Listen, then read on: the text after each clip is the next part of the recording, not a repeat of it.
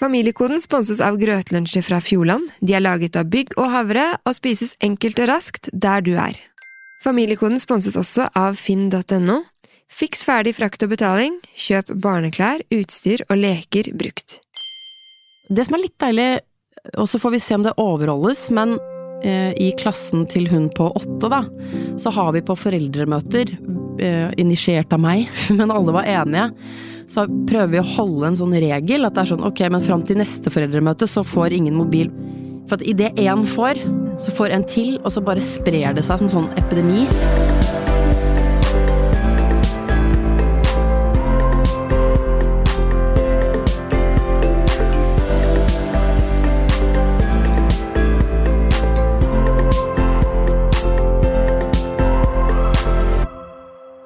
Velkommen til podkasten vår Familiekoden, der jeg, Katrine Moholt, sammen med psykologspesialist og tidligere barneombud Reidar Gjerman, snakker med kjente personer om deres foreldrestil.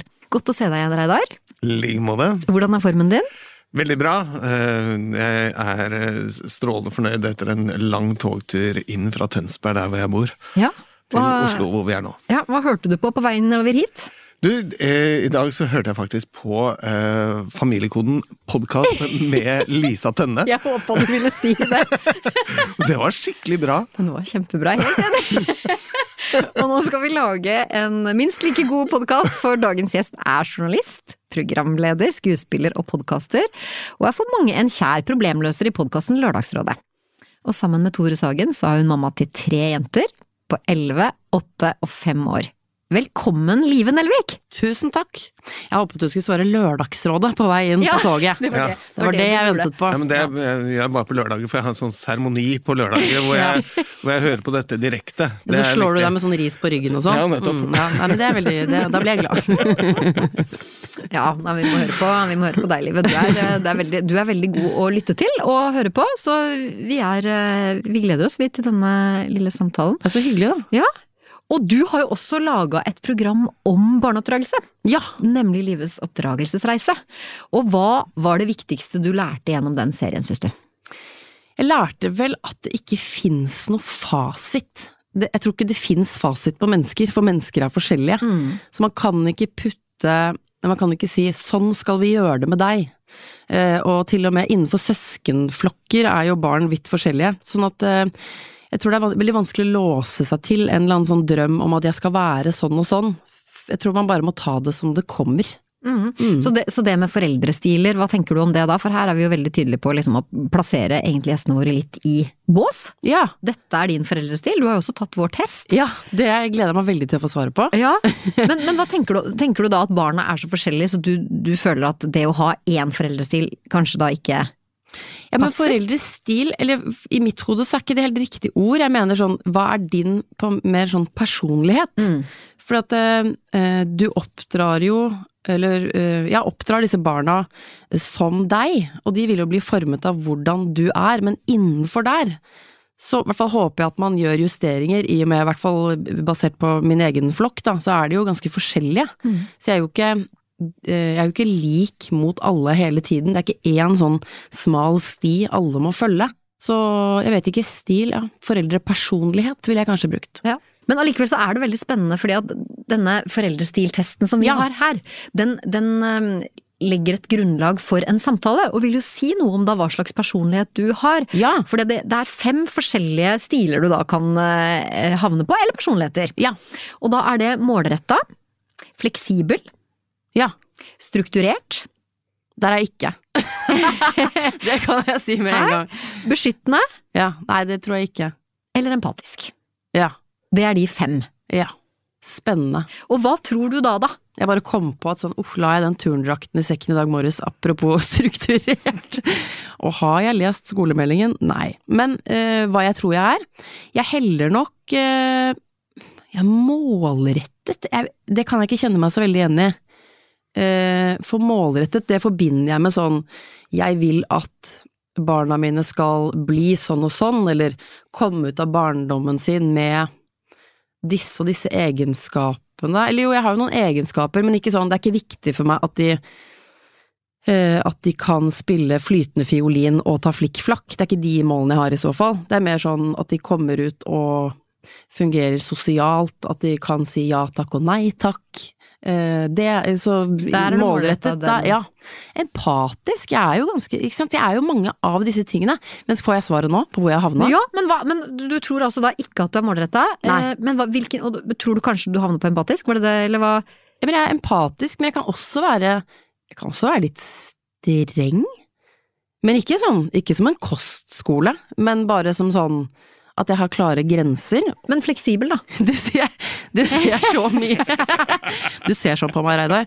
Fleksibel, absolutt fleksibel. Ja, så du Ja. tenker, for, for i og med at det du sa også eh, på oppdragelsesreisen som du lagde selv, at Ja. du da du lander på det at egentlig så Du tar litt av alt, og det er ikke så farlig for deg? Ja, men det er jo veldig få ting som er farlig. Ja. Eh, altså sånn, "Eh, det er ikke så farlig, det går bra. Men de tingene som betyr noe for meg, de rokker jeg ikke ved. Nei. Kirken på julaften, der var vi. Ja, ikke sant. Ja. Men hva tror du Tore hadde sagt at du var da?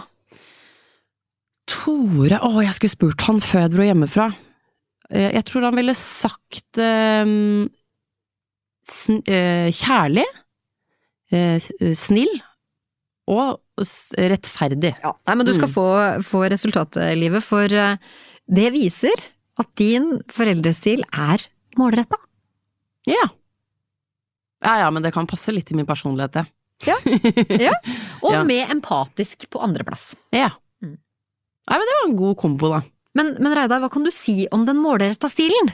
Det er vel litt avhengig av hvordan man setter målene sine. Ja. Og om man setter målene på vegne av barna, eller om barna kommer og setter egne mål og man hjelper dem å fullføre dem, selvfølgelig. Og, eh, og det høres ut som du med din empati lytter til eh, barna og deres stemme og følger med på deres følelser og tilpasser da til det individuelle barnet som du har, da. Eh, Ja, det vil jeg si at jeg gjør igjen, fordi jeg har ikke noe Jeg ser ikke noe for meg hva de skal bli, annet enn at jeg egentlig har prøvd å dytte de ut av underholdningsbransjen.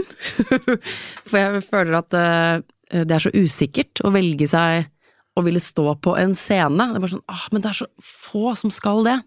Eh, men, men jeg har ikke noe sånn Nei, noe sånn veldige mål for dem, annet enn at de skal bli fine mennesker. Der er det jeg kjenner igjen det målrettede, da. Ok, Hva gjør du når de sier at de ikke vil i kirken på julaften? For du var vel inne på det at det skal dere. Ja, men der er vi inne på sånn, noen ting er bare ikke oppe til diskusjon. Nå hjalp ikke Tore meg eh, i den situasjonen, fordi han klarte å si Disney, det eh, har vi ikke sett på på julaften, kan jeg huske. Så sa jeg jo, det har vi sett på mange ganger. Så sa han å, det er akkurat når dere skal i kirken. Og da ble jeg altså så rasende på han. For jeg ble sånn, hva er det du driver med nå? Du setter Disney opp mot min gudstjeneste, som jeg må i for å få julestemning. Ja, Men jeg, du kan jo gå i kirken. Nei, men vet du hva? Jeg er vokst opp med å gå, at vi går i kirken på julaften. Det er litt kjedelig, men det er noe fint ved det også. Eh, og det, noen tradisjoner syns jeg man kan opprettholde. Men hadde jentene lyst til å gå på den gudstjenesten? Nei, ikke så veldig, men de vet jo ikke på en måte, De er bare sånn ah. Altså, gå i kirken, det er jo ikke et eh, Det er jo ikke Leos lekeland, jeg hører jo det. Nei, for at her er det, vi kan, vi kan ta det med en gang. For at du, du fikk et spørsmål. Barnet vil ikke bli med på noe av det du har planlagt, hva gjør du? Mm. Og der er du veldig målretta når du svarer. For du sier barn får ofte for mange valgmuligheter, vi holder oss til planene jeg har lagt, for jeg vet det blir bra. Kirken blir bra. Hvordan ble det da? Det ble kjempefint! Ja, det gjorde det. Eh, Og det er en erfaring jeg har fra min barndom, er Jeg husker jeg måtte være med på masse kjedelige ting. At det var sånn, nå skal vi, og spesielt sånn pappa husker jeg, han hadde utrolig mye sånn kjedelig ærend som jeg måtte være med på, sånn, nå skal vi til Østfold og treffe en hjortejeger, for det må jeg, jeg skal se på noe terreng. Du kan ikke være alene hjemme, så er det bare sånn, «Å, kan ikke jeg bare, jeg vil bare spille Super Nintendo. Så er det sånn, nei, du blir med meg, og sånn er det. Og så husker jeg han sa en gang sånn, han bare, men det blir jo, vi har det jo alltid gøy. Og så tenkte jeg sånn, ja, du har helt rett, jeg hadde det alltid hyggelig med pappa. Men la oss ta et nytt eksempel, da. Barnet ditt vil slutte på aktiviteten det er påmeldt på fordi de kjeder seg. Hva gjør du, er spørsmålet. Mm. Og da svarer du, barn kan bli umotivert, men får ikke slutte halvveis. Barnet må lære at det kreves innsats for å bli god. Og her er du typisk målretta. Og hvorfor får ikke jentene slutte hvis de virkelig ikke trives på den aktiviteten? Nei, men her er det jo, jeg må bare si det spørsmålet bring, har jo på en måte flere Det er ikke noe sånn at å, bare dette alternativet passer for meg. Det kan jo være en grunn til at hun kommer hjem og sier eh, jeg syns ikke turen jeg vil ikke gå på turn. Eh, det kan jo være at eh, den ene læreren har vært litt streng, eller det har vært noe annet med en på turn. Jeg prøver jo å finne ut av hvorfor det, og legge til rette for at det skal gå bra. Det er ikke noe viktig for meg at hun går på turen. velg, kan gå på hva du vil, men det er bare et eller annet med at hvis uh, dette oppstår i mars, så har man også uh, betalt masse penger, man har investert i å gå på dette, men det er klart, er det, jeg, jeg drar jo ikke et gråtende barn inn på denne aktiviteten, så man må jo liksom forklare litt sånn bak svarene sine. Mm, mm, absolutt. Og så vil jeg for eksempel prøve å motivere, bare sånn kan hva med at øh, Jeg motiverer alltid med akebrett. Ja. Veldig glad. Jeg elsker å ake.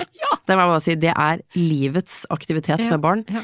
Men øh, Ja, nei, så det er masse jeg ville gjort innenfor dette svaret, da. Ja, så hvis, hvis, hvis de hadde, som du sier, gode argumenter nok, så hadde de fått lov å slutte.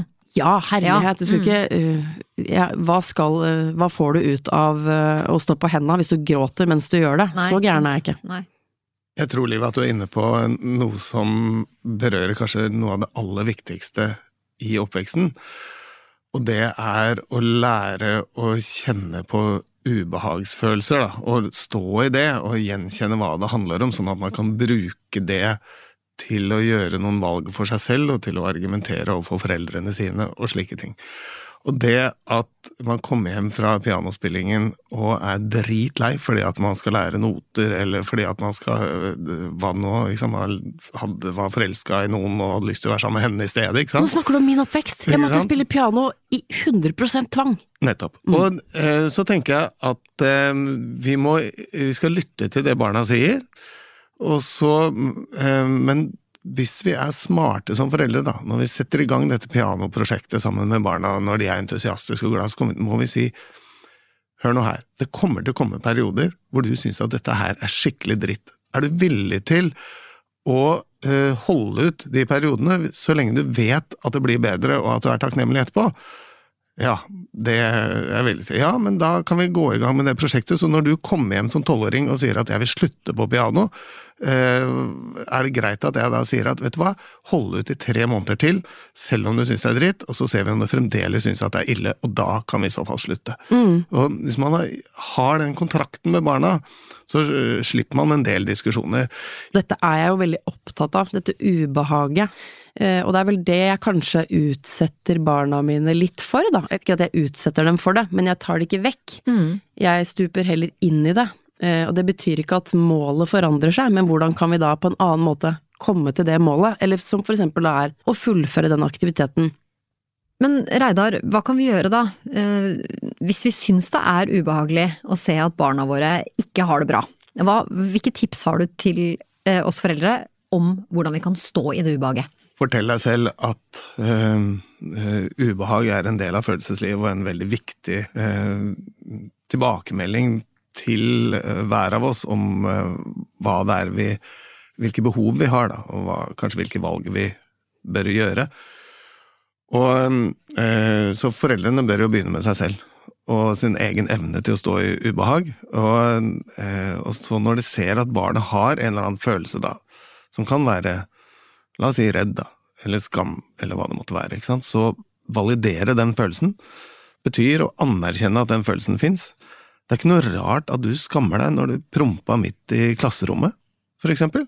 Det er jo kjempeviktig å hjelpe barna til å skjønne hva den følelsen de da har, betyr, sånn at neste gang det oppstår en lignende situasjon, som jo garantert kommer seinere i livet, så vil de tenke at ok, ja, det var det dette handla om, ja.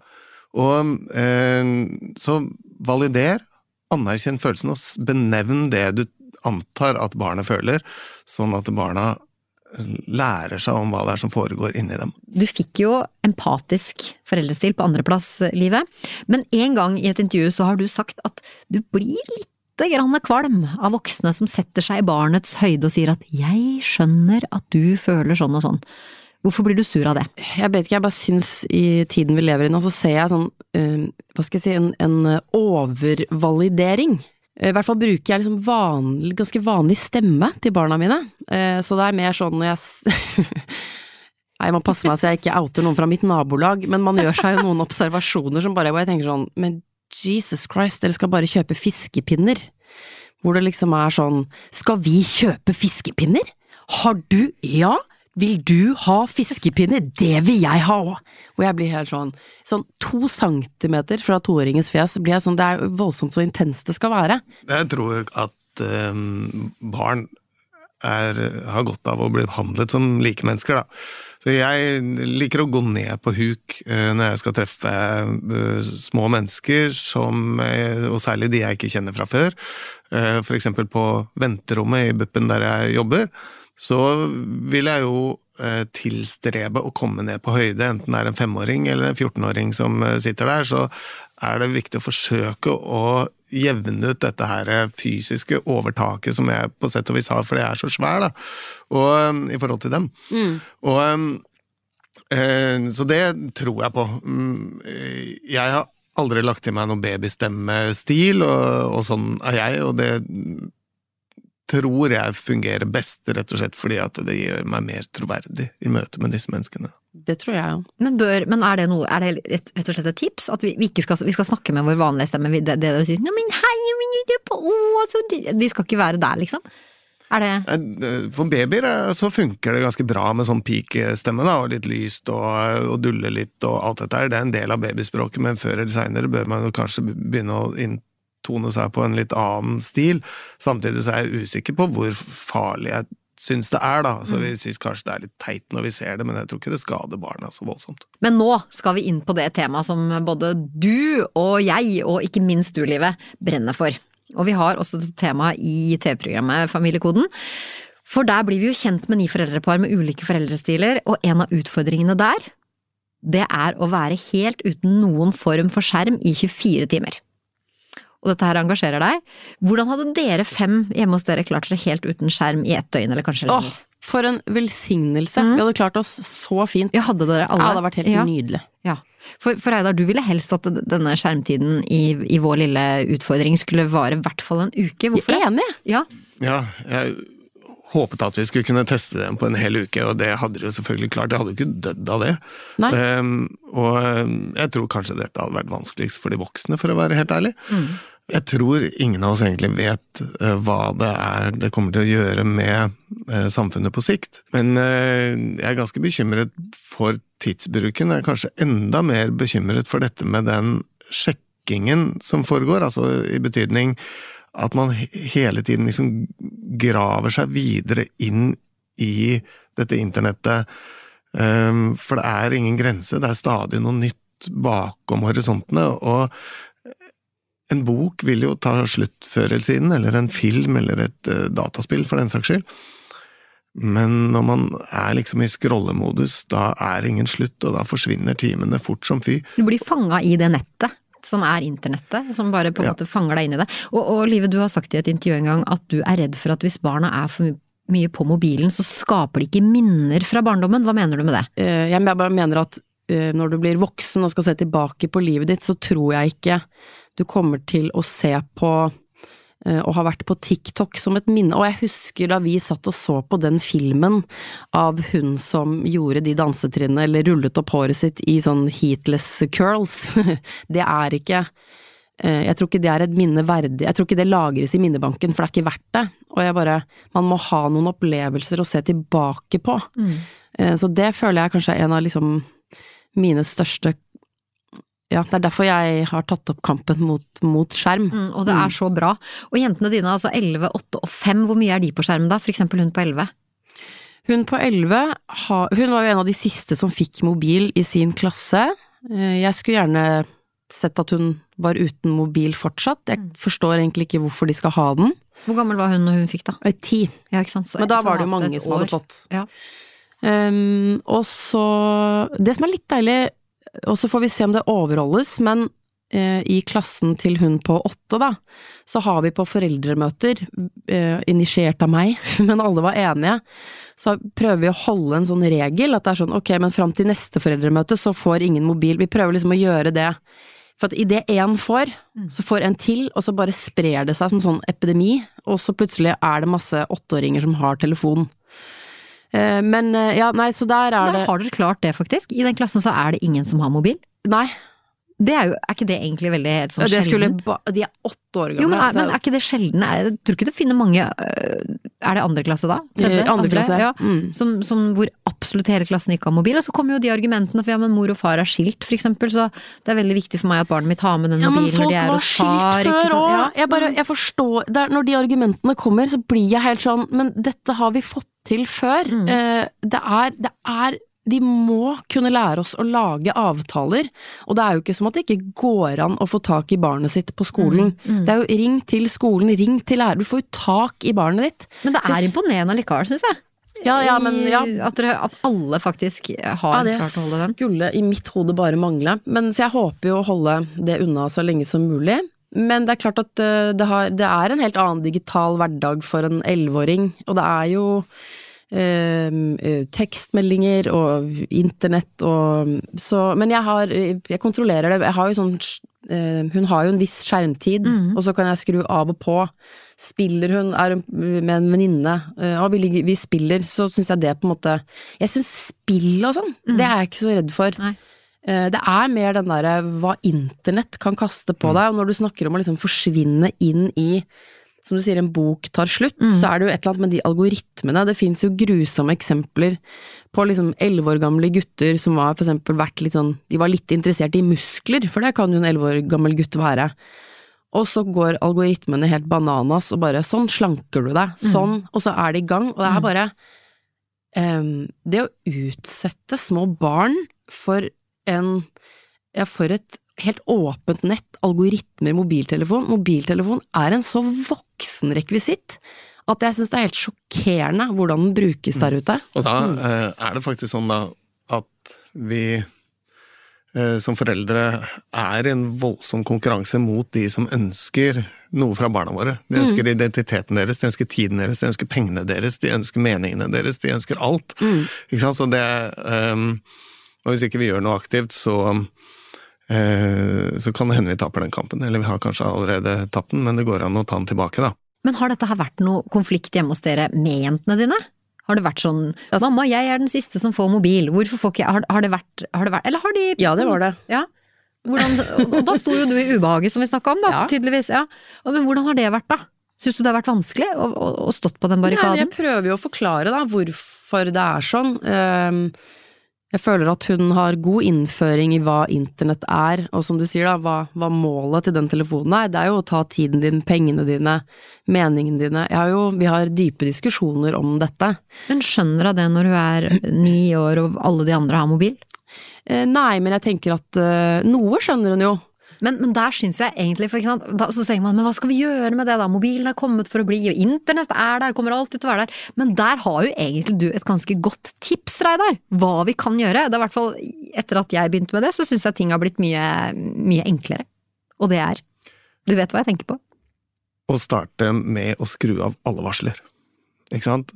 Jeg har ingen varsler på min telefon, jeg. Nei, du har Nei, ikke det er sånn, er ikke, men er ikke det deilig? Gæren! Ja, men er det ikke deilig? Og hva med, med datteren din, da? Har hun varsler på? Eh, Hun har jo sånn eh, altså meldinger, ja. Ja. Mm. Nei, er du sprø? Jeg, jeg kan ikke forstå For folk er sånn, jeg har sendt deg en melding på Facebook, så blir jeg sånn, eller på Messenger, så blir jeg sånn, ja, det oppdager jeg når jeg oppdager det, liksom.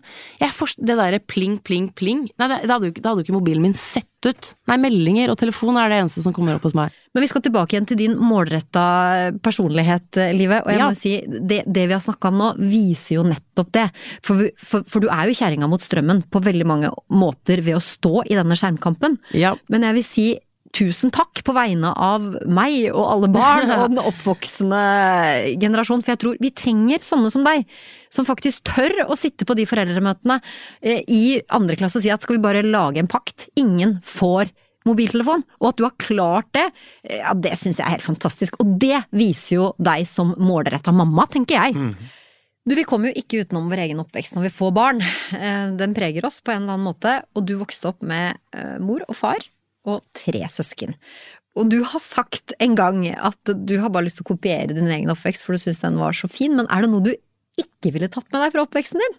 Nei, altså det jeg heller på en måte um, utvikler er Våre foreldre som er liksom født på eh, 50-60-tallet, de kommer jo eh, Veldig få av dem, i hvert fall, kommer fra hjem hvor man snakker høyt om følelser, og at man er glad i hverandre og sånn. Um, sånn at jeg har nok Jeg tror at jeg som forelder er nok mye mer investert i deres følelser, og, og apropos validering så, Men der har det på en måte skjedd en naturlig utvikling, vi har blitt bedre på det. Selv om eh, jeg avslutter hver samtale til min mamma og pappa med 'glad i deg', det var det jeg som innførte, for jeg tror jeg så det på TV i USA, så det var så kult, 'love you'. Og så begynte jeg sånn en gang på barneskolen å si sånn 'glad i deg', og så husker jeg det var sånn, pappa var sånn og glad i deg. Det var sånn, Den var litt ny. Eh, men så det er, det er, noe vi slenger rundt oss med, som en veldig hyggelig ting. Men jeg tror eh, der er man emosjonelt påkobla, eller nå, på en annen måte enn en da. Men hva var det beste med oppveksten din? Hvorfor sier du at du ønsker å kopiere den? Hva var det, hva var det du tenker, hvorfor var den så bra?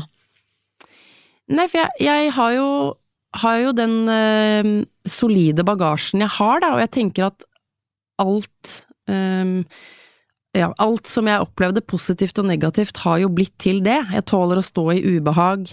Jeg øh, gjennomfører ting jeg syns er dritt, men jeg gjør det likevel. Føles bra etterpå. Hele den derre yte-nyte Eh, er jeg vokst opp med. Ja, fordi du ble satt krav til, på en måte? Ja, ja. virkelig. Ja. Samtidig som jeg også pusha grenser og gjorde ting jeg ikke fikk lov til, fikk kjeft for det. Det var superskummelt.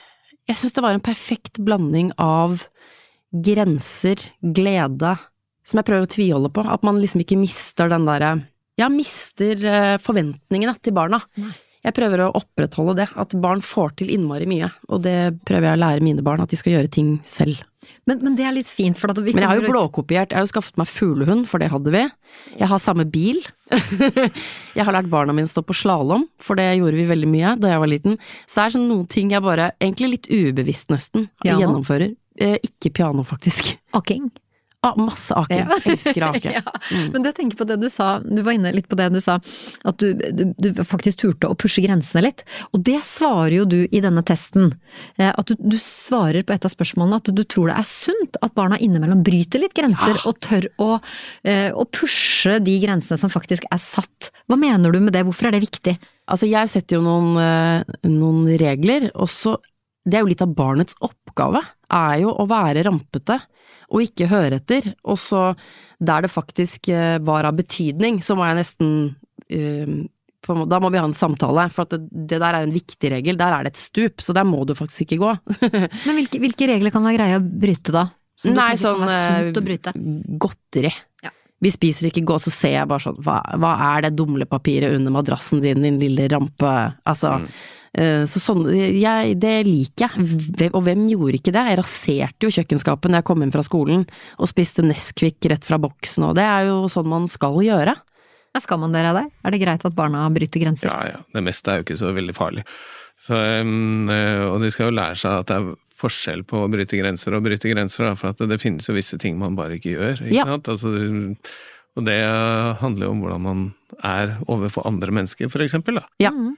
Liv, jeg er imponert. Jeg føler at du, du står utrolig trygt da, i din målretta foreldrestil og eh, jobber hardt som mamma. Men vi har jo alle noen sånne skamfulle foreldreøyeblikk òg, hvor vi føler at vi har vært på vårt verste. Har du noen eksempler på når du har følt at du har nådd ditt bunnpunkt som mor, og tenker at ah, det var dårlig jeg var. Alle har jo tusen bunnpunkter, da. Men eh, det er liksom ett eksempel som har brent seg fast, og som gjorde at jeg gjorde en forandring, eller bare skjønte selv hva det handlet om. Og det var um, en gang da, på en julaften, hvor uh, et av barna pakket opp en, en presang litt sånn tidlig på dagen, fra farmor. Farmor er til stede, ser at denne pakkes opp, og hun er bare helt sånn Hun er vel kanskje fire år eller sånn river av papiret, og så er det liksom fargeblyanter. Du bare så at hun ble så skuffa, for hun var liksom, hun gleda seg sånn til, det var ikke det, hun hadde jo noen ting hun ønska seg, og er fargeblyanter i så fall bonus. Så hun, eh, så hun ble helt sånn derre, hun begynte å gråte. Og da kjenner jeg at jeg skammer meg, fordi farmor sitter og ser på, nå virker du utakknemlig. Så da ble jeg, så jeg følger etter henne og blir, sånn, og blir sint på henne på grunn av hennes reaksjon.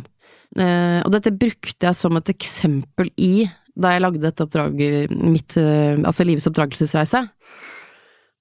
Og så gikk jeg til to psykologer for å snakke om denne episoden, og da ble jeg så mye klokere på det, fordi det var- da jeg skjønte at det handlet om skam, at jeg skammet meg over hvordan hun oppførte seg. For da hadde du på en måte ikke oppdratt henne riktig. Det er riktig. Eh, Men ikke bare det, det handlet også om en sånn umiddelbar At det bare tente hos meg en sånn frykt, sånn er det, er det sånn barnet mitt skal bli? Så da jeg skjønte at det handlet om det, så var det bare sånn, men det, det er jo helt ko-ko. Det er jo ikke sånn at fordi noen er utakknemlig i gjerningsøyeblikket, så ender de opp som et utakknemlig menneske. Men kjefta du på henne, da? Du Da gikk etter henne, ja, og sa Ja. sånn oppfører du deg ikke, det går ikke an. Ja. Selvfølgelig. Mm. Eh, så det var egentlig veldig Det var veldig spennende å forske i, liksom grave sånn ok, men, men hvorfor ble det sånn? Nei, fordi sånn og sånn, ja, men hva tenkte du at hun skal bli? Ja, det tenkte jeg. Ja, men tro, og så er det sånn, men tror du det? At hun blir et utakknemlig menneske fordi Og så er jo svaret selvfølgelig nei. Men hvordan løste den situasjonen seg da? Hva sa farmor, og hvordan hun gråt og du var sint? Hva, hva skjedde liksom? Hvordan endte den? Nei, det endte jo endte med at øh, øhm, situasjonen roet seg, men bare det på en måte at jeg, som et voksent menneske, ble så utrolig sånn antent av hennes reaksjon, um, var jo veldig uverdig. Jeg er ikke sikker på om du hadde Dette vet jeg ikke, men jeg er ikke helt sikker på om du hadde reagert på samme måte hvis uh, farmor ikke var i rommet. Altså hvis det samme hadde skjedd, men farmor ikke var i rommet. Nettopp. Så for at noe av det du gjorde, handlet jo ikke bare om å håndtere din egen skam, men det handlet om å vise til svigermor at jeg er ikke en sånn mamma som oppdrar sånne barn som er utakknemlige. Jo, men det handler jo om skam, ikke sant. Jeg, Ja, ja. Overfor henne så ska, nå skammer jeg meg, Nettopp, fordi så- se på barnet mitt, hva som skjer. Ja ja, nei, helt enig, så er det Så- fordi hun sitter som en sånn tilskuer, og nå er det den store eksamen her. Og det er det vi ser i kassakøene også, rundt omkring på de tusen eh, butikker, ikke sant. Når Ja. man drar innom butikken på vei hjem med et veldig sultent eh, barn, og, det, og det begynner å sprelle i nærheten av den der godtehylla. Ja. Um, og da eh, er det sånn, kikker vi oss rundt, er det masse mennesker der, da er det viktig å demonstrere at vi finner oss ikke i at barnet Ja. vårt legger oss ned og spreller, ikke sant. Men hadde vi vært helt alene i butikken, så hadde vi sagt du, det går fint. Det går bra. Hadde vært med. Jeg pleier å gi sånn anerkjennende nikk til eh, Du vet sånn man treffer mennesker på butikken med barn som står i bro. Eh, For da kan man jo bli helt sånn svett som foreldre og bare herregud, hva tenker Så pleier jeg å være sånn Bare komme med en sånn å, kjenne meg igjen. Bare sånn for å vise at dette, dette skjer med alle. Mm. Men vi pleier jo å la gjestene våre få stille Reidar et spørsmål. Nå har jo du sier du både har vært hos psykolog, og du har jo laga eget program, og du har jo, du har jo mye kunnskap sjøl, livet. Men du har ett spørsmål som du tenkte på til eh, Reidar. Ja. Ja, nei men eh, fordi du er jo fagperson, Reidar, og sitter jo da og jobber også på BUP, som jeg tenker er sånn spennende, et spennende sted å få lov til å jobbe. Eh, og jeg lurer på om Er du bekymra for um, for fremtiden, eller sånn for barna som, som vi oppdrar nå? Med tanke på litt sånn det vi har snakket om, da, med ubehag, og, og oppdrar vi på en måte barn som kommer til å tåle å leve? Um, ja, eh, jeg er bekymret eh, for at vi oppdrar barn som ikke tåler ubehag, at de eh, ikke klarer å lese sitt indre følelsesliv så godt. Vi er bekymret for at eh, foreldre eh, ikke tåler barnas ubehag og hjelper barn til å forstå de følelsene som de har, fordi at de ubehagsfølelsene som barna har, er noe av de viktigste tilbakemeldingsmekanismene de har i sin kropp. Så til å fortelle dem hvilke behov de har, eller de, hvilke valg de burde gjøre, det er jeg ganske bekymra for. Eh, samtidig så lever jo vi i en tid der barnas stemme blir hørt i større grad enn um, det det ble tidligere, og det er jo i all hovedsak en god ting. Så det å finne den der balansen mellom å la barn ha innflytelse og medvirkning på det som foregår, og det å være en tydelig voksen, som jo tross alt er en lederskikkelse for barna, det tror jeg kanskje er da løsningen til hvordan man skal sørge for å få et barn som vokser opp til et helt og kompetent vesen.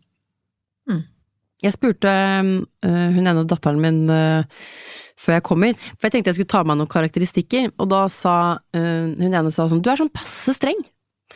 Så tenkte jeg sånn, ja, det, lik, det likte jeg. Eh, og så sa hun eh, på fem, eh, hun sa, du er en helt vanlig mamma.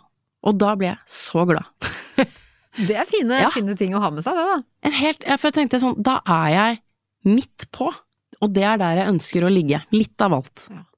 Da har du fått karakteristikker fra jentene, men Reidar, hvordan vil du oppsummere nå etter denne samtalen livets målretta foreldrestil? Og, og hva må de med målretta foreldrestil passe på? Sleng på at jeg hadde empatisk på andreplass. Andreplass, absolutt! Absolutt.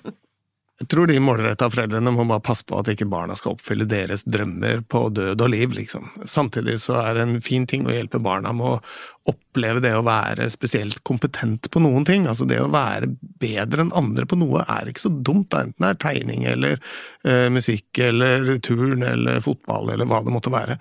Så um, det å kjenne på at man er et kompetent individ er fint. Og så skal man ikke presses inn i en eller annen skål bare for at foreldrene har en drøm på vegne av sine barn. Og hvordan vil du Jeg har jo ingen drømmer på vegne av barna mine, annet enn at de blir bra mennesker, da. Og hva er det?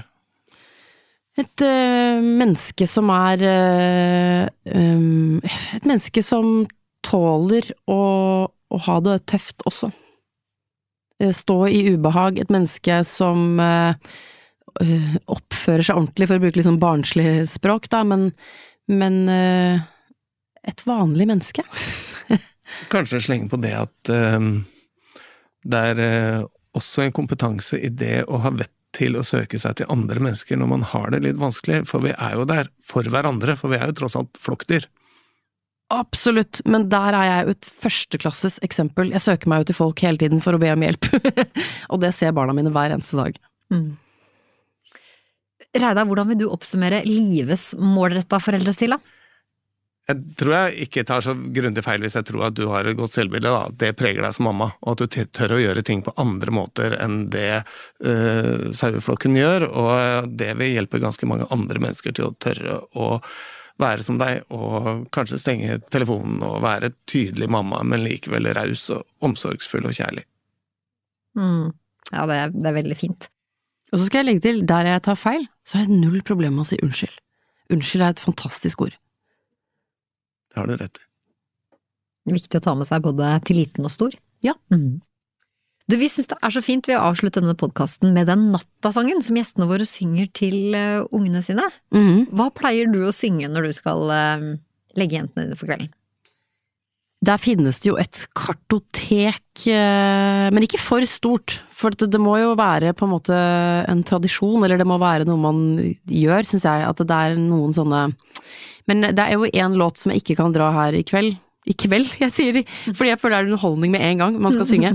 Eh, nei, det er én låt jeg, jeg ikke kan ta, fordi det er en tostemt Soro Lillemann, eh, uptempo med Tore. Så Oi. der er jeg avhengig, avhengig egentlig av hans andre stemme. Ja. Men det er en veldig favoritt, men det jazzer egentlig stemningen for mye opp. Så der opptrer dere to rett og slett for jentene deres? Ja, men for da har vi det litt gøy òg. Ja, ikke sant? Er det, er det noen spiller noen gitar til i tillegg, eller er det bare Nei, Tore knipser og setter tonen. Og så setter dere i gang Ja. med Soro Lillemann. So Og det er Du, sånn du ligger der, så kommer Soro Nei, han- han starter. Lille ja. eh, og ja, han starter, og uansett hvor jeg er i huset, så hvis jeg høres at han begynner med to, da løper jeg. For Så det syns jeg er for gøy. Ja. og da skjønner du at nå, nå kommer ja, det er som en bikkjefløyte på meg.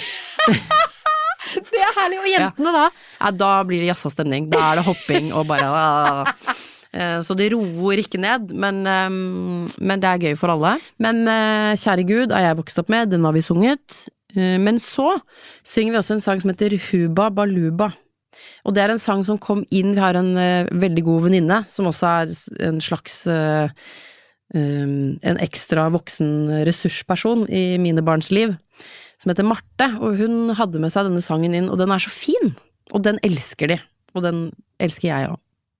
Så Huba Baluba går jeg, velger jeg.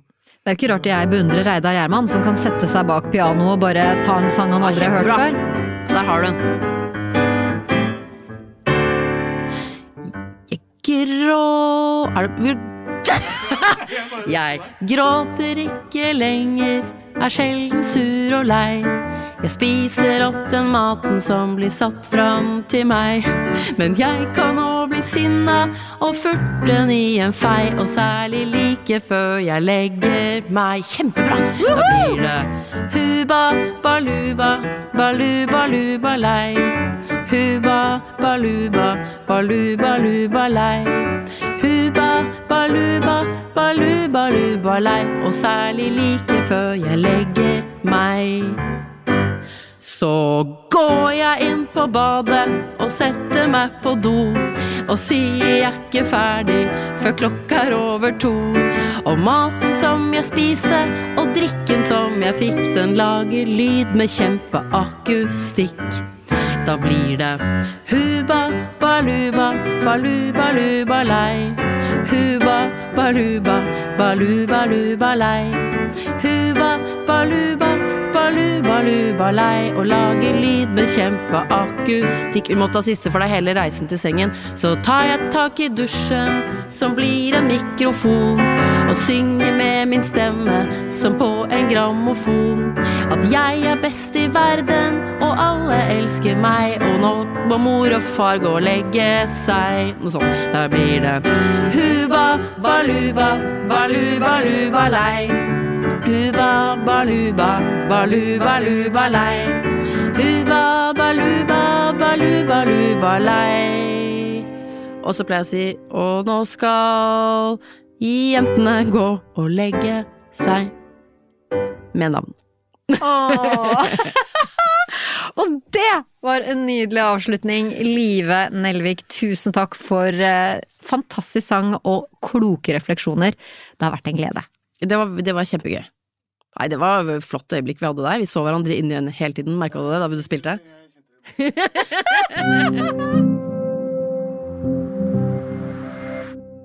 Denne podkasten er produsert av Monster for TV2. Produsent er Anette Walter Numme.